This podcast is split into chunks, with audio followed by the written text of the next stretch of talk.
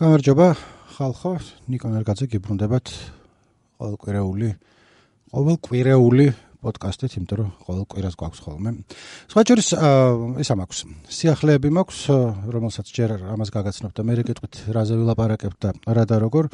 აღარ ვარ სტუდიაში მარტო მყავს საკუთარი პრაქტიკანტი ანა შოთაძე რომელიც გამარჯობა თქვა მიკროფონში ხარი გამარჯობა გამარჯობა ხო რომელმაც გამოიჩინა ინიციატივა რომ რაღაც ვიქნებიო პრაქტიკანტიო თქვი რატომაც არა და მისი ახალგაზრდული ენერგია იმედია რომ გავრცელდება იმაზე პოდკასტის ერთი პერიოდულობაზე და მეორე პერიოდულობაზე. ამიტომ ესე გქონდა დავგეგმეთ ახლა რომ იქითა კვირიდან მოყოლებული კვირაში ორი გვექნება თავიდან შეგფერდით ერთხელ, მაგრამ ხო იცი მარტო რომ შემოდიხარ სტუდიაში და გადიხარ უფრო ადვილია რომ პირობები დაარღვიო და ხა ესე გვექნება კვირაში ორზე გადავალთ სტუმარს მოვიყვანთ ხოლმე და ერთი სტუმრიანი იქნება და მეორე უსტუმრო იქნება. რაც ვიცი რომ არაერთხელ მithქვამს რომ ესე ვიზამ თქო და მე არ გამიკეთებია და ანას ძირითადად ამოცანა არის ახლა ეგრო გავაკეთოთ ის რასაც შევპერდით ხალხს. თან ჩვენში დარჩეს და ცოტა ისიც ბოლო ორი თვეა ძალიან კარგად ვაცნობიერებ რომ პოდკასტი ძირითადად გადაიქცა იმათ რომ მე რაღაცებს ვკითხულობ და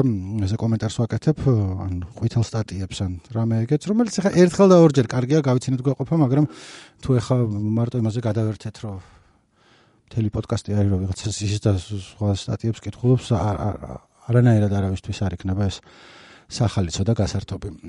თუმცა დღეს წინაზე ვთქვი რომ მეორე ნაწილს გავაკეთებდი პოზიტიურ აზროვნებასთან დაკავშირებით და სწორედ მაგას გავაკეთებ.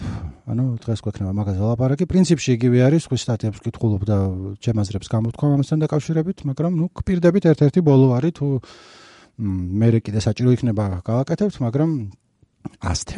ასე რომ ეხლა არის ნაწილი მეორე იმისა თუ როგორ წავიდეთ ჰავაიზე, როგორ ვიყოთ ბედნიერები, როგორ ვიყოთ, რაც თავარია წარმატებულები, იმიტომ რომ მოგეხსენებათ წარმატებაზე მნიშვნელოვანი ქვეყნის არაფერია.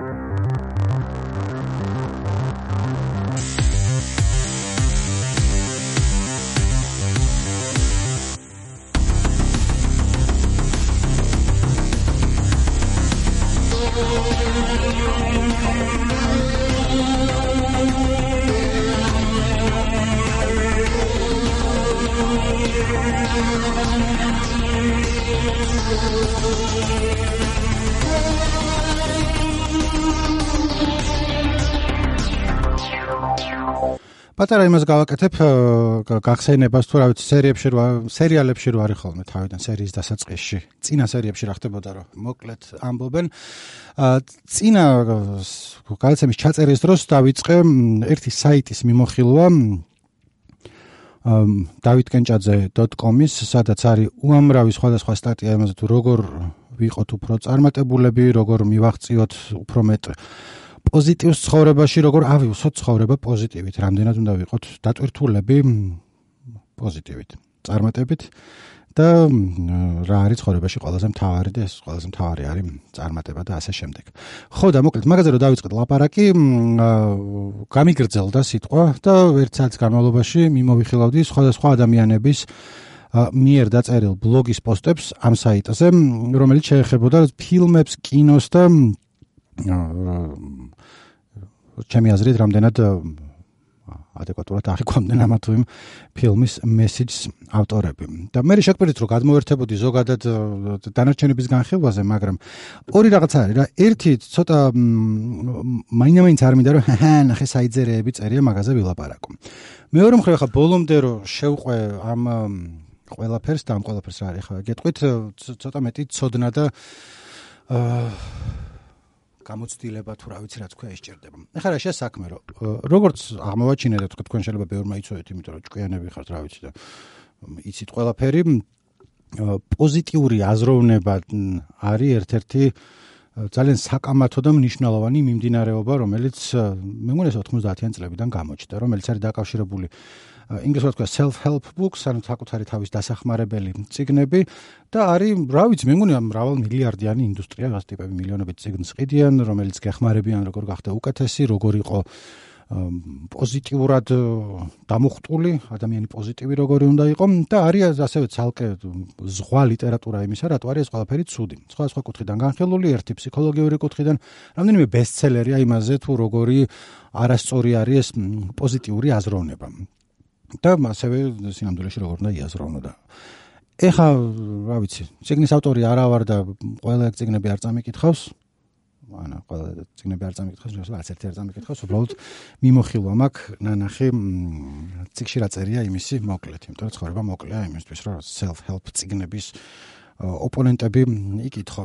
მაგრამ ერთი რაღაცა რაც გავიგე არის ის რა, რომ ფსიქოლოგების აზრით აი ეს აქცენტი პოზიტიურ მიდგომაზე ყველაფრის მიმართ არის დამღუპველი და ძალიან ცუდი რაღაცა. რომელშიც აი რა იგულისხმება, ახლა პოზიტიური მიდგომა რომ ერთი ეხლა როცა საიტზე ლაპარაკობდი დავით კენჭაძე და სხვებსაც მოყვანილი აქვს ესეთი ციგნი არის ქვია secret რომელზეც წინაზე ვლაპარაკე ქართულად ტერმინები როგორც საიდუმლო და მე არის ფილმი ამის მიხედვით გადაღებული. ხა ეს არის არა მხატვრული ციგნი, არამედ მოდი ასე ვთქვათ ფსევდომეცნიერული, სადაც ტიპი წერს ავტორი, რომლის გვარი მიწერია სადღაცა და ეხა არ ვნახავ, რომ არსებობს საიდუმლო. საიდუმლო არის ის, რომ თუ რაღაცის მიღწევა გინდა, ამაზე უნდა კონცენტრირდე, პოზიტიური აურა გამოასხივო, წარმოიდგინო რომ ამას მიაღწია და მე აუცილებლად მოგივა.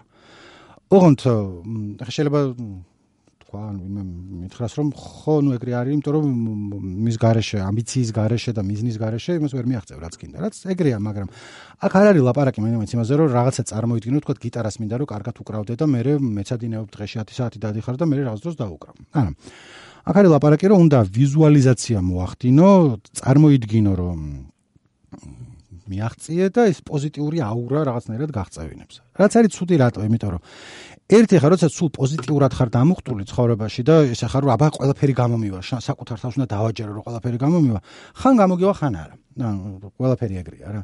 და რა მომენტში მე ის ახარ რომ რატო არ გამომივიდა, როცა ესოდენ პოზიტიურად ვიყავი დამუხტული. ერთი მაგალითი აქ საიტზე აქვს თავად დავით კენჭაძის თავისივე დაწერილია The Secret ჩემი გამოცდილება. სადაც ყვება თვითონ როგორი გამოცდილება ქონდა ბრწყალებში, ანუ მისი ნათქვამი ერთ-ერთ ყველაზე მეტად მამოტივირებელ დოკუმენტურ ფილმზე The Secret-ზე. და იწყებს ასე რომ დარწმუნებული ვარ ბევრ თქვენგანს ნანახი აქვს და ალბათ უმეტესობა იზიარებს იმ მოსაზრებებს რაც ამ ფილმში ამოყვანილია რაც ორივეზე ნეგატიური პასუხი მაქვს. ამ შემთხვევაში რომ არც ნანახი არ მაქვს და კატეგორიულად არ ვიზიარებ იმ მოსაზრებებს რაც ფილმში ამოყვანილი იმიტომ რომ სხვა ვიდეოები მაქვს ნანახი სადაც დოკუმენტური ფილმი არის მოთხრობილი და ესე გაბოლდილად უწერია ადამიანი რომელსაც აქვს რაიმეს მიღწევის სურვილი ქმნის შინაგან აურას მისი გონება მიმართულია სანატრელი მიზნისკენ რომელიც აუცილებლად ასრულდება ბუნებრივია გაგიჩნდება შეკითხვა, ვკითხულობ ახლა, ну, მე რატომ არ ამხდენია ის რამდენიმე სრული, რაზეც მიოცნებია. პასუხი მარტივია, არა გიხდათ, რადგან ძალიან არ გინდოდათ, ან უბრალოდ ჯერ არ დამდგარა კონკრეტული სრულის ახდენის მომენტი. და მე დავით გვიყვება თავის გამოცდილების შესახებ, ოღონდ ამბობი არ ჩავმართოთ ქედმაღლობაშიო წინასწარ წერს, რადგან უბრალოდ ის არის, რაც მე ძალიან მინდოდა. და ესეთ ამბავს ყვება, რომ 2004-2005 წლების პერიოდში ელიტ ელექტრონიკის გამოცხადებული ქონდა ვაკანსია დირექტორზე და მის მოადგილეზე. არასდროს ვიჩენდი დიდ ინტერესს დასაქმების საიტების დათვალიერებისადმი, თუმცა აღმოაჩინე ორი ვაკანსია და ძალიან მომინდა ამ კომპანიაში მუშაობდაო. ვაპირებდი კიდევაც რეზიუმეს გაგზავნოსო, მაგრამ მე ვიფიქრე, რომ ჩემი გამოცდილების მქონე ადამიანს მაშინ არავინ აიყვანდა ამ პოზიციაზე და თავი შევიკავეო. მე ვნატრობდი ამ პოზიციაზე და ალბათ მივხვდებით თუ რა მოხდა დაახლოებით 5 წლის შემდეგ გავხდი ელიტ ელექტრონიკის ერთ-ერთი დირექტორი და ამით დასრულდა ჩემი კარიერის ერთი ეტაპი, რადგან აუცილებლად მინდოდა რომ გამختارიყავი მსხვილი კომპანიის დირექტორატის წევრიო. თუმცა ოცნება მისი უფრო შორს მიდიოდა 23 წლიდან მისი მიზანი იყო რომ ისეთი ზომის კომპანიის ხელმძღვანელობა რომლის ბრუნვა თვეში მილიონზე მეტი იქნებოდა ეს პირადი გეგმის მიხედვით 28 წლამდე უნდა შემესრულებინა ეს იყო ჩემი ოცნება, რომელიც საუცილოდ ნამეხთინა და ამისთვის თავდაუზოგავად მუშაობდი და 26 წლის ასაკში გავხდი TBC Pay-ის გენერალური დირექტორიო და ნუ ბოლოში გავედი უკვე ეს მხოლოდ ნაწილია იმ ისტორიების, რომელიც მე გადამხდა და ჩემს სრულებთან იყო დაკავშირებული და ბოლოს კი გეტყვით, მოინდომეთ გქონდეთ რწმენა რომ მიაღწევთ დასახულ მიზანს და გარწმუნებთ ეს ნამდვილად ასე მოხდება. რაც მეცნიერება ამბობს, რომ გარწმუნებთ, რომ არანაირი აუცილებლობით ეგრე არ მოხდება კი არა და მარტო სურვილის მასე თუ იქნები არ მოხდება. მე აქ სხვა რაღაცას ვხედავ, რომ ვკითხულობ, რომ ადამიანს რაღაცა ძალიან უნდა და იშრომა ისწავლა თავიდანვე უწერე რომ მარტო რომ მოინდომო რეზუმეთი არ მიგიღებს ელიტ ელექტრონიქსი თუ ვინიცი ესა კონკურენტი ვიღაცა მარტო ელიტ ელექტრონიქსი რო ახსენოთ ალტა ან მეგა ტექნიკა ხო ეს ეგეც არის ხო ანუ თუ ეხლა ამოცანად გაქვს დასახული მაგისტვის მიდიხარ, გამოცდილება მიიღე, ისწავლე და კარგი თანამშრომელი გახდები, მე და თან ძალიან გინდა მართლა დიდი შანსია რომ მიაღწიო მიზანს, მაგრამ მარტო სურვილის რა მოგახსენოთ. ხო? მაგრამ ეს აი ნახე კიდე ერთი სტატია არის აქედან რა, რომელიც უფრო კარგად აღწერს ჩემი აზრით ამ პოზიტიური აზროვნების მინუსებს. რომელიც არის არა დავით კენჭაძე. დაწერილი ერთ-ერთი პრაქტიკანტები არიან საიტზე რომლებიც წერენ ხოლმე ამ ყველაფერს როგორ გავხადოთ ყოველი დღე უფრო პოზიტიური. და მე არის აი ახსნა რომ რა გავლენას ახდენს პოზიტიური ფიქრები ჩვენზე. პირველი პოზიტიური ფიქრები აშენებს ჩვენს უნარებს ხელს უწყობს ჯანმრთელობას და აუმჯობესებს ჩვენს მუშაობას. მეორე რა უარყოფით გავლენას ახდენს ჩვენი ფიქრები ჩვენზე? რომ გაგიკვირდება თუ ვიტყვით რომ უარყოფითი ფიქრებით საჭიროა. რატომ? პასუხს მოვიძიებთ ამგვარი ფიქრები ხშირად დაგვეხმარება საშიშროების თავიდან არიდებაში ეს არის სასარგებლო ინსტინქტი. მესამე რა გავლენას ახდენს პოზიტიური ფიქრები ჩვენზე? და მეოთხე რაც უფრო მთავარია როგორ გავხდეთ უფრო პოზიტიური? და არის რამდენიმე ის ჩამოწერილი ხა ავტორს არ ვამბობ იმიტომ რომ დიდი ალბათობით ნათარგმნი არის საიდანაც თავისი იდეები არ არის და არ არის მარტო თქვა ქართულ საიტებზე არ წერია ბევრგან არის რჩევები როგორ გავხდეთ უფრო წარმატებული თუ პესიმისტურად დავიწყებთ ფიქრს, მეორე არის, იმიტომ რომ უფრო მოკლე პირველი გრძელია წერა, ღრმად ჩავისუნთქოთ და შევცვალოთ ოპტიმიზმით. вот რანაირად, ანუ ალბათ ყველა ყოფილ ვარ ცუდად და ამ დროს არის ცოტა ეს გეცოდინება ახალგაზრდა ხარ შენ ანას მიმართავ ხა მიმირო არის სიმფსონებიდან ტიპი რომ თავში ხელ შემოიკრავს ხელს რომ why didn't i think of that თუ რაღაც სისულურ გეუბნებიან რომ უბრალოდ გაიღიმე თუ რა უბრალოდ გავიღიმე არ მეღიმება ანუ რანაირად ხა დავფიქრდე რომ ახლა პოზიტიურად ნოფიქრობდე და ნეგატიურად ვარ ალბათ ორჯერ უფრო ცუდად იქნება ვიდრე მანამდე იყავდე რომ ხან შეყვები რა ცუდად ავარ და ვარ ცუდად რა. რა გავაკეთო ხა ხო ეგ არის ჩემი აზრით. და ცოტა ეს პოზიტიურ განწყობას მოაქვს ესეთი აურა არ ვიცი შუახნის ამერიკელი ქალები რო არიან ღვინოში რო იხჩობენ ხოლმე სევდას რომ მე კარგად უნდა ვიყო ყველაფერი კარგად არის ყველაფერი კარგად არის მესამე შევწყვიტოთ ურთიერთობები რომელსაც ტკივილი ცუდი ემოციები და სტრესი მაქვს ჩვენთვის. რა რა მარტივია ხო? რაღაც ჯერტი ყველა ურთიერთობას მაქვს რაღაც დროს ცუდი ემოცია სტრესი და კივილი საერთოდ ნუ ბალანსის ამბავია რა ზოგან უფრო მეტია ზოგან ნაკლები და ხა თუ როგორც ვიტყვენ ტოქსიკური ურთიერთობა რომელიც წამლავს შეწყვეტება ზარი არ არის მაგრამ ნუ ეს ერთ წინადადებაში გადმოცემა ძალიან ადვილია. ნუ ვიტყვი თუ არს იმის გაკეთებაზე რაც გსურს. აა იცი არ არის თქმელი არ არის საერთოდ იმიტომ რომ ხანდახან სამუშაო მაქვს და მსურს რომ ლუდი დავლიოთ შუა დღის 12 საათზე და დამილევია კიდევაც ხანდახან მოდი ასე ვთქვათ, მაგრამ ჯობია რომ უფრო ხშირად ვარი ვთქვა იმაზე, რაც მსურს, იმიტომ რომ არ არის საჭირო და არ არის ლამაზი. ეგ ეს ბალანსი ამბავია. ხანდახან ცხოვრება მოკლეა და ხანდახან ის არის დილიდან ლუდი და არაყი არის მისაღები და მე სამსახურში რომ მიხვალ და აა არის ცხოვრება. ჩვენ აღარ ვამბობთ რომ არ შეგვიძლია. პირიქით, ყველაფერი შესაძლებელია.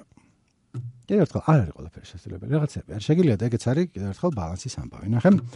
ამ პოზიტიურ ამბებში მოაქვთ ხოლმე ყოველთვის მაგალითი JK Rowling-ის, რომელსაც 27 ჯერ უთხეს უარი თავის ხელნაწერის გამოქვეყნებაზე, 28 ჯერ გამოაქვეყნა და ეხლა არის სოფლის ერთ-ერთი ყველაზე წარმატებული დიდარი ადამიანი, რომელიც ჯერ კიდევ შარშან ყოველას უყვარდა, ვიდრე არ გადაწყვიტა, რომ მაინამაინც ტრანსფობი უნდა ყოფილიყო, იმიტომ რომ კაცმა არის ის რატომ გაიჩემა ეს ისა. რა გაუკეთეს ტრანსგენდერებმა როულინგს? ანუ მე უამრავი ადამიანია ტრანსფობი და მით უმეტეს თუ ის ახარ მილიარდი დოლარის ბრუნვის ავტორი რაღაცა ნუ იმას ისამ რა. მით უმეტეს თუ ხა შენი კითხვალების დიდი ნაწილი არ იზიარებს შენს ამ აღტკინებას რომ ყველაფერში დამნაშავე ტრანსგენდერები არიან. ეგ მე ბოლომდე არ მესმის როგორც ხვდები აი როულინგის პრობლემა არის თუ იცი ხო ეგ ამბები ან რასაც ვამბობ ხა ხო თან ანას მიმართავ და თან კითხავს კი არა და რა ვიცი ვინცა ვინც გვისმენს. და ხო და რანაირად ვიცი მას როულინგი არის TERF ქვია trans exclusion radical feminism. შალანათელაშვილის ინგლისური თქვი ახლა ტრანს ექსკლუზიური რადიკალური ფემინიზმი, რომლის არსი არის რამდენადაც მე ხვდები ახლა არ მაციტიროთ, მაგრამ თლათ არასწორიც არ არის. არის ფემინიზმის ერთ-ერთი განხრა, რომლებიც ამბობენ, რომ კაცი კაცია და ყოველთვის კაცად რჩება, იმის და მიუხედავად, რომ შეიძლება შეგნდნენ თავს გრძნობდეს ქალად და ამისთვის ოპერაციები ჩაიტაროს და ამბობდეს, რომ მე აღარა ვარ ნიკო, არა ვარ ნინო დამიძახეთ და ამ დროს ვიღაცები ჯეკეროლინგი მოდის, რომ არა, შენ ახლა მაინც ხარ პრივილეგირებული კაცი, რომელიც იჭრება ნაკლებად პრივილეგირებული ქალების ამბავში და აა რაცა კიდევ ერთხელ საიდან მოხვდი აქ? ა საიდან და იქიდან? ხანდახარ უნდა დაიჯერო და ხანდახარ არ უნდა დაიჯერო. მაგრამ ერთ ჯეკი როლონგზე მოდის, ანუ ძალიან სწორი გააკეთა რომ უკან არ დაიხია და იცოდა რომ რაც ქონდა და ბოლომდე და ენაცვალოს მას მის garaშე არ გვექნებოდა ამდენი არ გვეყოლებოდა ამდენი ადამიანი რომელსაც თავისი პიროვნების დიდი ნაწილი ჰარი პოტერზე აქვს დაფუძნებული და მეტი არაფერზე რომელიც პრობლემა არის თავის მხრივ. მაგრამ მაგაზე მოდის აი მოდი ესეც ვთქვა რა აა ყოფილ ხარ ანაოდეს მე სასიმღერო კონკურსის ჟიურიში. არა. არა, მე მე ყოფილ ვარ ერთხელ ჯოუსტარში და მე მას მე დიდი ხანი გავიდა, მაგრამ პოდკასტში ხშირად ვახსენებ ხოლმე, იმიტომ რომ მაგალითებისთვის საჭიროა თან საერთოდ იყო მაგალითად საჭირო ახლა ისედაც ყოველს ნარახი აქვს და მუღამი არის რომ თავიდან ყოველას უნახავს ტიპები რომლებიც მე ვიცი რომ შემიძლია და თბილისო ამბობენ და მე ყველა დაცირის მაგათ იმიტომ რომ რაღაც მომენტში უნდა უარე თქვა თავის ოცნებაზე რომ გამოსულიყვნენ და თავის შეერცხვინათ ნაციონალური მასშტაბით, იმიტომ რომ არის ცენ სიმღერა და არც ეცოდინებათ და ბალანსი ის არის, ხო? მეგეც. არ არ არ მეთანხმები თუ ვერ ხვდები რა თუ აქნევ თავს, მაგრამ ხა როცა ზუსტად იცი რომ რაღაცა გამოგივა გაგ პროდუქტი და გინდა სტივენ კინგიც ეგრე იყო რაღაც ერთგან გააგზავნა მეორეგან არ მიიღეს სულ იმისთვის რომ წარმატებას მიაღწიო. რაღაცა ხო წინაღობები უნდა გადალახო და ხანდახან უარი არ მიიღო და წიხლით შეაღო და მაგას ვენაცვალე მაგ მიდგომას მაგრამ რაღაც მომენტში არის რომ ნუ არ არ გამოდის შემგან მომღერალი და ნუ შევეშვები და რაღაც ხას ვიზამ ხარატი გავხდები სიტყვაზე ან ან ხარაზე. თავარია რომ ხარაზე იწებოდეს ბედნიერება თუ წარმატება რომელი მოდის პირველი მოუბრუნდი კიდევ იმას ბედნიერება არის რაიმეს მიღწევის შედეგი გამარჯვების სიყვარულის წარმატების. ძალიან საკამათოა მაგრამ კარგი ბედნიერება წარმატების და შედეგის წინაპირობაა ბედნიერი ადამიანები ახალი უნარჩვევების განვითარებას უწყობენ ხელს რაც მომდევნო წარმატების საწყისია ამ დროს ბედნიერებაც მეორდება. არავინ ვიცით ბედნიერება სიყვარულის მსგავსად რამდენად ვერტიკალურია თუმცა ხელის შეწყობის შემთხვევაში ბრუნვადი ნამდვილად არის რაც კარგი რეფერენცია, თუმცა აზრი მაინც არ გამოდის. იმის თქვა მინდა რომ ბედნიერება რა არის და რა არის, მაგაზე წიგნებია კიდე ერთხელ დაწერილი, ჩემზე უფრო ჭკვიანი ფილოსოფოსების მიერ და მესლეს მაინტერესებს ხოლმე ერთი მეგობარი მყავს, რომელიც არის სვამს ეწევა რაღაცებზე, ისე ცხოვრებით ცხოვრობს, უდარდელი ცხოვრებით ცხოვრობს, მაინც არაფერს არ აკეთებს, ხანდახან შეიძლება ის აქნას, მაგრამ არის დამოხტული პოზიტიური ენერგიაც. სუკაი ხასიათზეა ხოლმე, რაც დაждდება სადმე, ის თუ არის, გასწორებს რა და სულ ფიქრობ, რომ აი რო ავიღოთ ეს ჩემი მეგობარი და თქვა სიტყვაზე პუტინი. ერთ-ერთი ყველაზე თუ ყველაზე ძლიერი ადამიანი არა მსოფლიოში, რომელსაც ფულიც მეღარ ხა ნავალნის და დრო მილიარდიანი სასახლე აქვს. კაი ჩემი აზრით, მაგრამ რა მნიშვნელობა აქვს თუ ვიღაცა სიტყვის რომ ის არ მომეწონა ის ვიღაცა მეორე დღეს ხამსტალებს და გადავარდება ფანჯრიდან თავისი ზურგში ჩაცემული დანით თუ ვინ უფრო ბედნიერია ხუთშაბათ შუა დღეზე ესეთ რეგულარულად. ეჩ მოკრეს ჩემი მეგობარი უფრო ბედნიერია. იმიტომ რომ რამდენი აწევს პუტინს თურქს წარმოგიდგენ რამდენი სადარდებელი? რომ იქ ვიღაცა უნდა შემოვიდა გავიდა სირიაში ბავშვებია დასახოცი? ის არის რა პრობლემური საკითხია. იქ რაღაცა გროიზია იქ რაღაცა მიიღეს ან სულ ჩართული ხარ და კი მესმის რომ შეიძლება საბოლოო ჯამში სხვანაირად ის მოდის ალღასი ამოვნების მაგრამ ეგეც არ ვიცი მithkoms თუ რა ბალანსის ამბავია თქო დღეს.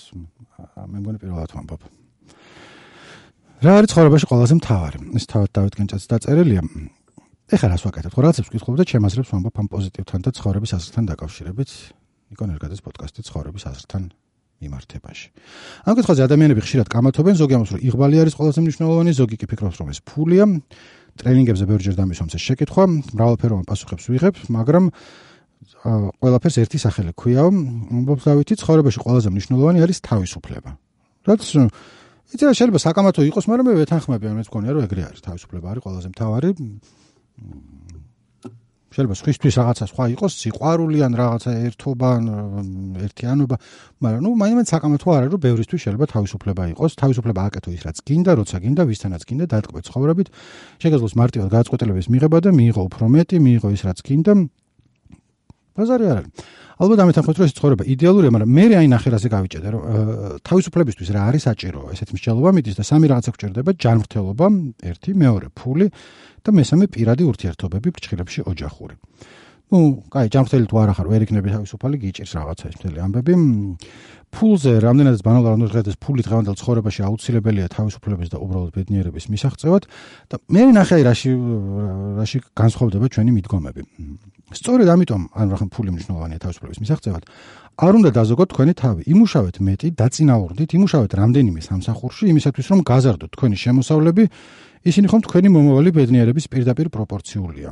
და ეხა ნახე რა მე იმ პონჩი კარომ რომ არ ვიმუშავოთ ორ სამსახურში მთელი ცხოვრება ორ სამსახურში ვმუშაობ და სამში ანუ ეხა თქვა სიტყვაზე რადიო თასფრების თანამშრომელი ვარ და ერთ-ერთი შტატიანი თანამშრომელი აქ ვარ მაგრამ ლექციებიც ამ კიდევ ვაკეთებ რაღაცებს რომელიც უფრო თავისუფალი რო ვიყო შეიძლება ხანდახან დილოს გავიღვწოდო თქვა რომ აა საწოლში მინდა სერიალის ნახვა მინდა და ნეტა მქონდეს მაგის თავისუფლება მაგრამ რანაირად თავისუფალი ვარ სამ სამსახურში ვმუშაობ და ფული და მონერო მონეტა რა ვიცი მაყუთი გას ფიქრობ შენ თუ შეგიძლია თავი დააკნიო მიკროფონი არა აქ არის ამიტომ ზოგადად რომ მიმართავ ხოლმე მაგრამ პასუხს ვერ გაიგებთ იმიტომ რომ ჯერ არ დაიმსახურა მიკროფონი თუ კარგად მოიქცევა წყალსაც ჩავს ხმენ ამბავი მამ და შემდეგი არის კიდე იმოიცა ყველაფერს არ წავიკითხავ ბლომათ აქვს მაგრამ ერთი თქვა აი ნათარგმნის სტატია 54 შეცდომა რომელსაც გვიან ასაკში ინანებთ ახლა გვიან ასაკში ვარ მოდი ვნახოთ მუდმივად ყოყმანობთ ნაცვლად იმისა რომ იმოქმედოთ არ ყავთ საკმარისი მეგობრები აი რანაირად არ მყავს საკმარისი მეგობრები რასში მეხმარება? ხა ეს რომ უნდა გავიჩინო მეგობრები რომელიც კი ან თუ არ მყავს საკმარისი მეგობრები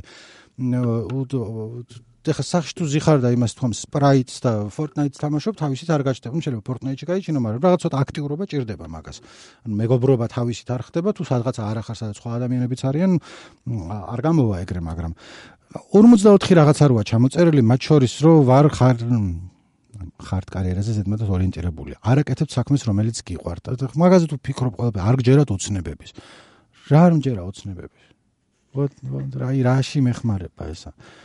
ადვილად ნებდებით, იშვიათად კითხობთ. აქენა ზოგს აბსოლუტურად ვეთანხმები, ერთ-ერთი სინანული ასაკში სწორედ ის ამაკრო, იმდენს არ კითხულობ, რამდენსაც ბავშვობაში ციანდეს კითხულობ. აა, ციგნები ყველგან ეყარა, ეხლა ვეღარა. ანუ მეოთხე რასაც ინანებთ, რომ ეწევით. ეხლა თუნანობ, მაგრამ რა გავაკეთო?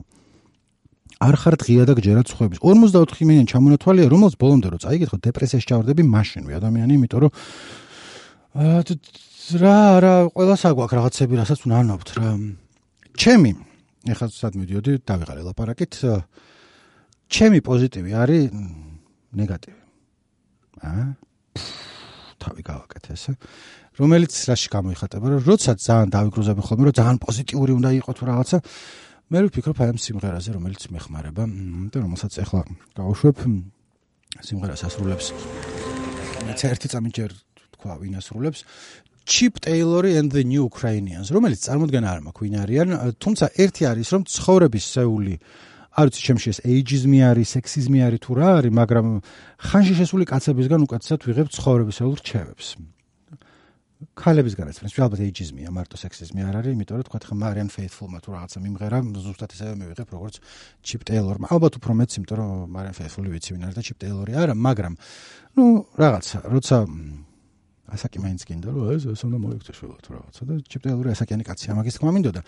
სიმღერას ქვია fuck all the perfect people რომელიც დღეს თუ ინგლისურად ლაპარაკობ იმედია არ გეწყინებათ მაგრამ რომ დაფიქრდები რომ რა გავაკეთო რაღაცა როგორ როგორ შემოვიტანო პოზიტივი ცხოვრებაში? არ ეწევი იმდენი მეგობარი არ მყავს რამდენიც მინდა ოცნებების არ მჯერა და მე დაფიქრდები რომ მე. Some can't remember what others recall. Fuck all those perfect people. Sleepy eyes walls and through. No, I'm not talking about you.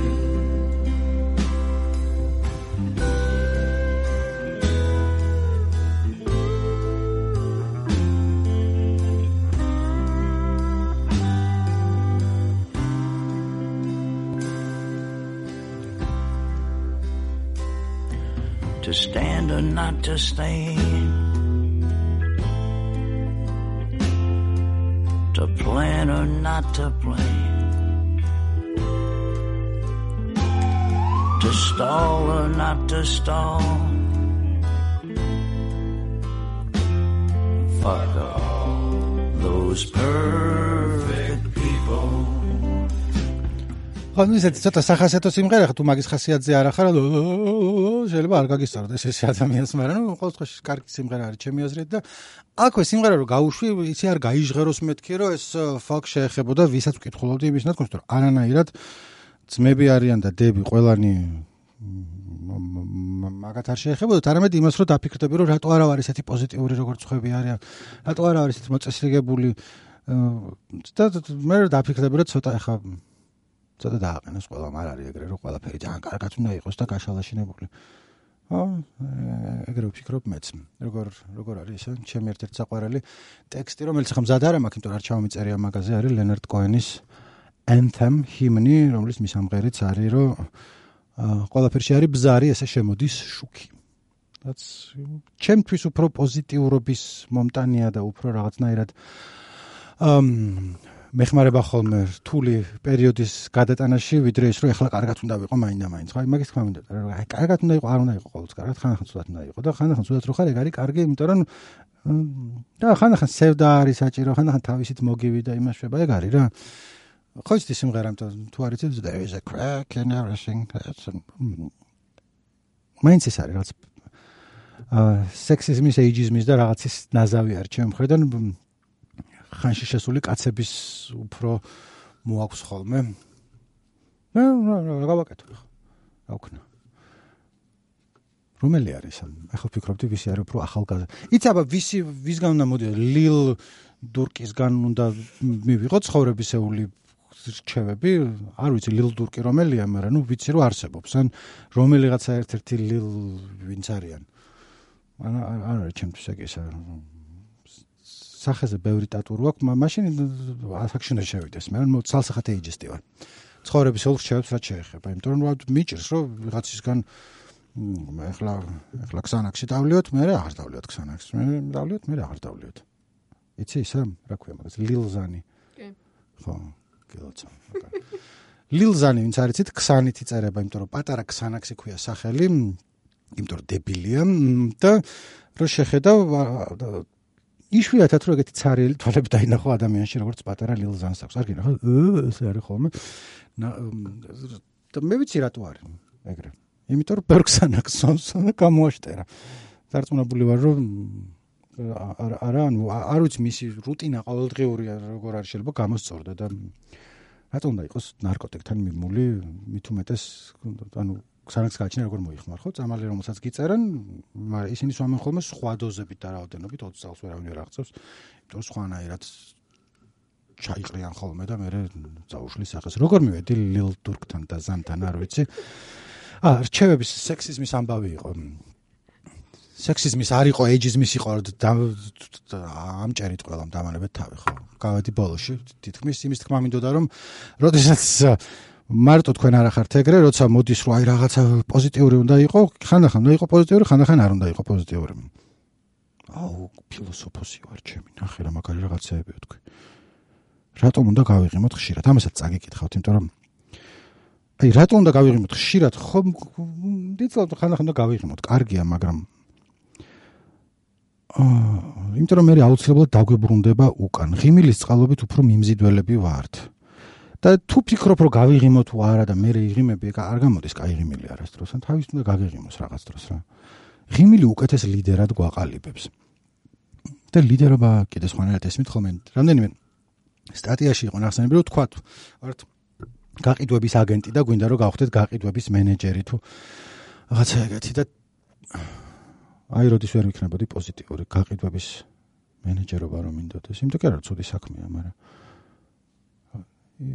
გიმუშავე გაყიდვებში. ამ გაყიდვებში გულისხმობ არა იმას მოლარად როცა ხარ მიუშავია მეც და გამყიდველი როცა ხარ. ხო, ბაზარი არა.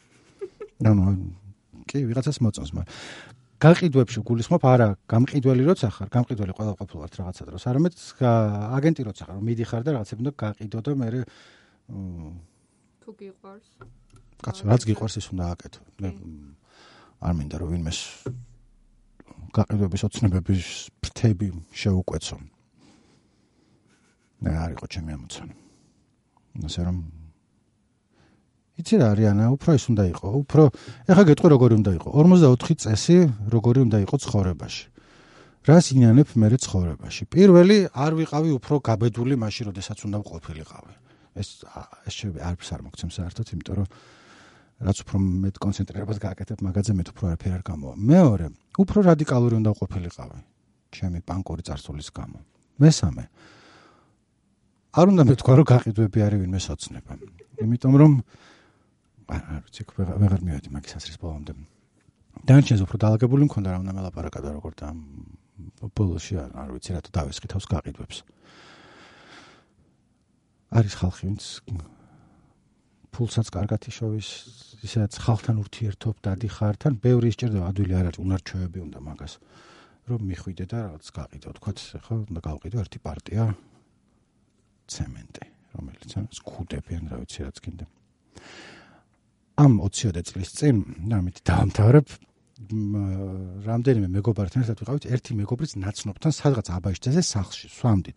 სადაც იყო რაღაც სხვა ბიჭებიც 90-იან წლების ბოლოზე ალაპარაკე და ერთ-ერთი ამბობდა ძალიან საქმიანად რომ ეს ხო არიცთო ვინმეო რომ გამაყიდინოსო მაქსო რამდენი რაღაცა კილო 100 კილო თუ რაღაცა ვერსაჩის კაფელიო.